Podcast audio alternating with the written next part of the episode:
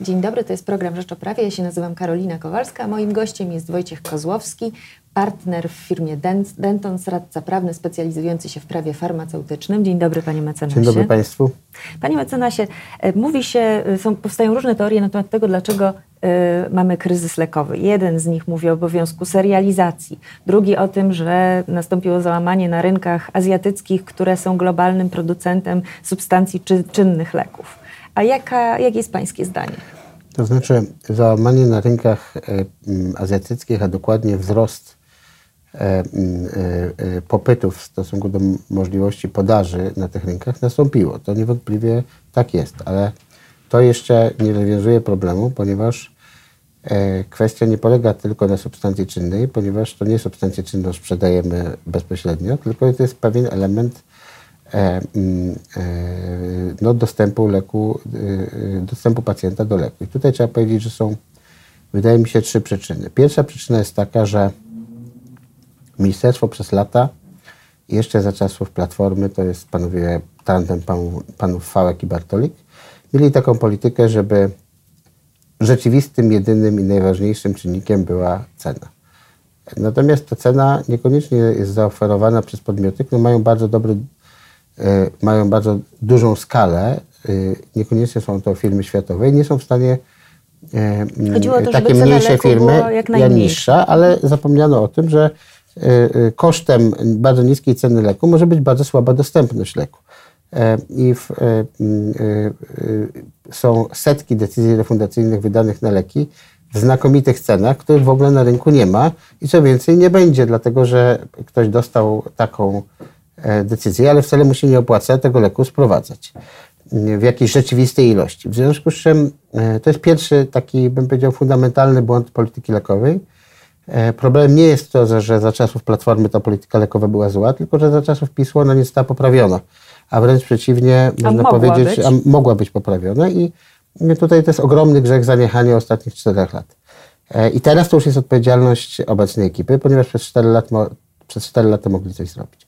Drugi powód, i właśnie szczegółowo to, czego nie zrobili, to jest to, że wiadomo, że z Polski leki wyjeżdżają, a wyjeżdżają dlatego, że ich cena jest y, y, niska w stosunku do leków, do ceny leków w innych krajach, w szczególności w Niemczech. W związku z czym jedynym racjonalnym y, ruchem to jest podniesienie ceny leków, ceny urzędowej ceny leków do poziomu cen, które są za granicą albo poziomu zbliżonego, a zwrócenie państwu tej różnicy poprzez tak zwany payback. I tutaj był projekt w 2017 roku przygotowany. Nowelizacji ustawy refundacyjnej. Nowelizacji ustawy, yy, tak, to był chyba nowelizacji ustawy refundacyjnej, który służył temu, żeby taką yy, zmianę wprowadzić i on został zablokowany już po etapie Rady Ministrów. Osobiście uważam, że został zablokowany właśnie dlatego, że blokował e, nielegalny wywóz leków, w związku z czym było bardzo wiele sił, których, które żyją z tego.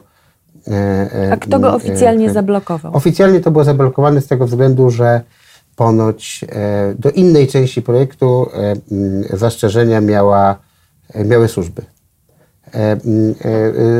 Zastrzeżenia wyparowały, ale projekt już nigdy nie został uchwalony. W związku z czym to jest taka klasyczna sytuacja, gdzie nie wiadomo o co chodzi, a w rzeczywistości chodziło o ogromne pieniądze.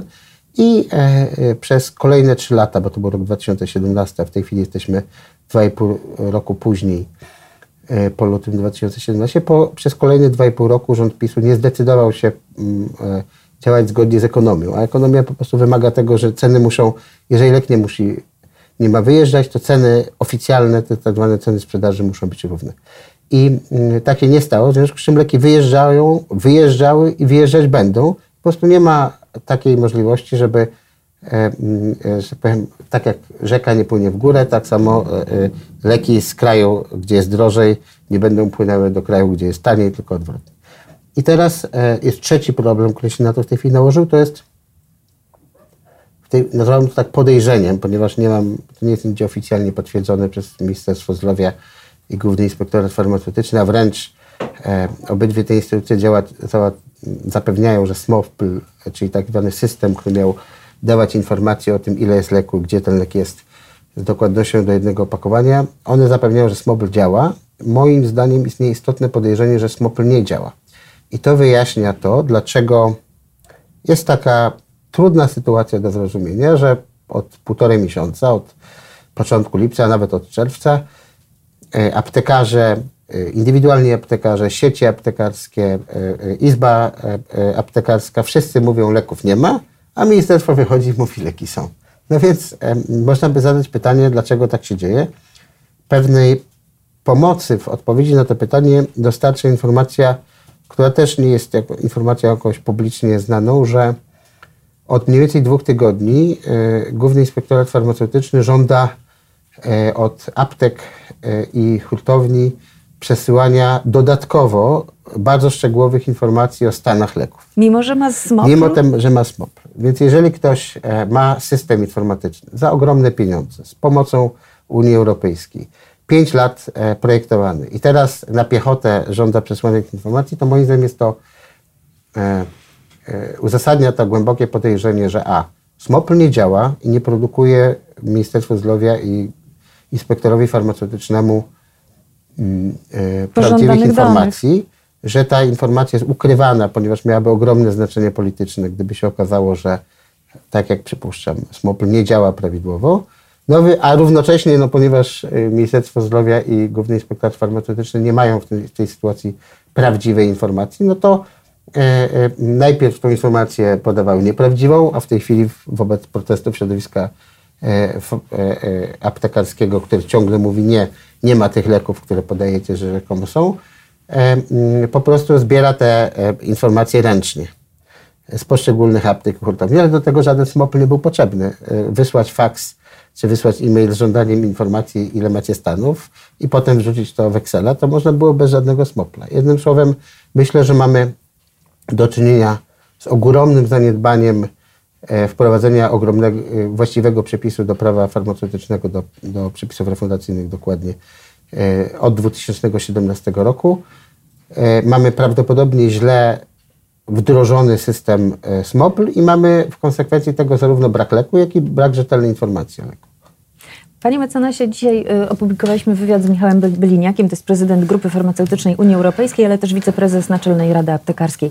I on mówi, że po pierwsze y, y, to te zamówienia dodatkowe, które ponoć jednak się odbywają, w ogóle nie są rejestrowane w SMOPL-u, bo odbywają się, tak z tego co wiedzą od hurtowników, na telefon. Nikt tego nie rejestruje. Ale zamówienia dodatkowe... Tych dodatkowych rozumie? leków, których brakuje, dodatkowych dostaw. To znaczy, e, może być tak, że także te zamówienia nie są rejestrowane w Smoplu, natomiast e, moje rozumienie sytuacji jest takie, że w Smoplu w ogóle, e, że Smopl nie jest zdolny do przetwarzania tych wszystkich informacji, które są w niego wrzucane. Nie z powodu firm, które to robią na pewno bardzo rzetelnie, apteki hurtowni, tylko z powodu sam, systemu samego w sobie. Prawidłowa informacja, jeżeli nie jest odpowiednio przetworzona, nie daje się zagregować i chyba tak na tym polega w tej chwili informacja. Czyli to jest do wyrzucenia ten smog? E, tego nie wiem. To wymagałoby moim zdaniem e, zainteresowania e, Najwyższej Izby Kontroli i prawdopodobnie zainteresowania Unii Europejskiej, na co poszły pieniądze, skoro nie poszły na system, który działa. Panie mecenasie, tutaj też w tym wywiadzie o tym wspomniano, że na kryzysie lekowym, jak to na każdym kryzysie, różne firmy starają się zarobić i nie wiem, czy pan słyszał, ale w zeszłym tygodniu szefowa jednej z izb gospodarczych farmaceutycznych powiedziała w wywiadzie dla dużego portalu, że e, farmaceuci powinni uważać na to, e, na, na, na polecanie pacjentom zamienników, bo mogą e, się zmierzyć z odpowiedzialnością karną.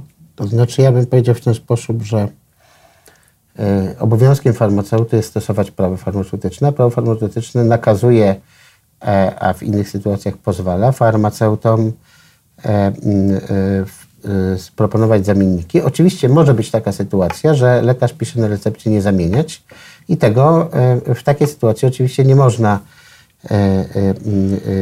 zamienić. Natomiast to jest wyjątkowa sytuacja, w związku z czym co do zasady pani prezes Izby no, zajęła stanowisko, które nie znajduje oparcia w przepisach prawa. Myśli pan, że to wiązało się z chęcią zniechęcenia pacjentów do leków generycznych? To już byłoby trzeba pani prezes zapytać.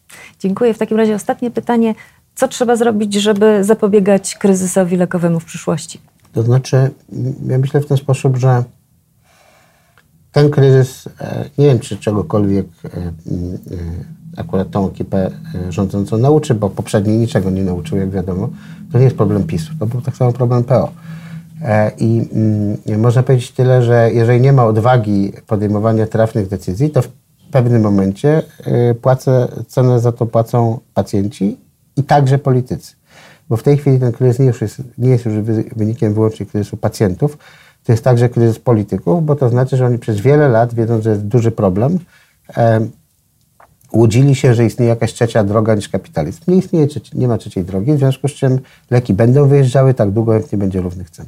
Czyli żadna ustawa antywywozowa nie to pomoże? Jest, e, ustawa antywywozowa, SMOPL, policja farmaceutyczna, to jest e, e, e, e wciskanie ludziom kitu, dlatego że po prostu nie ma przy 40-milionowym społeczeństwie szansy, żeby kogoś sankcjami zmusić do zachowania, które jest racjonalne ekonomicznie.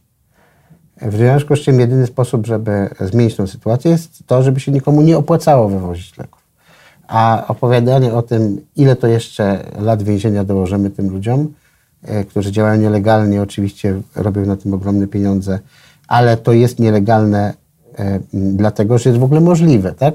Ludzie nie podejmują działalności, że ekonomicznie jest ona nieopłacalna i można powiedzieć w ten sposób, że tak długo jak się nie powróci do realizmu, e, a nie opowiadania bajek wyborcom i pacjentom o tym, że leki są, tylko ich nie ma, no to nic nie zmieni. I miejmy nadzieję, że ta lekcja spowoduje, że kolejna ekipa w Ministerstwie Zdrowia nie będzie się bała, a może tym razem jakieś działania służb nie będą wystarczająco skuteczne, żeby znowu zablokować zablokowanie mafii lekowej. Dziękuję bardzo. Dziękuję. Moim gościem był e, mecenas Wojciech Kozłowski, radca prawny, partner w kancelarii Dentons, a ja zapraszam na Rzeczoprawie na jutro na godzinę 13.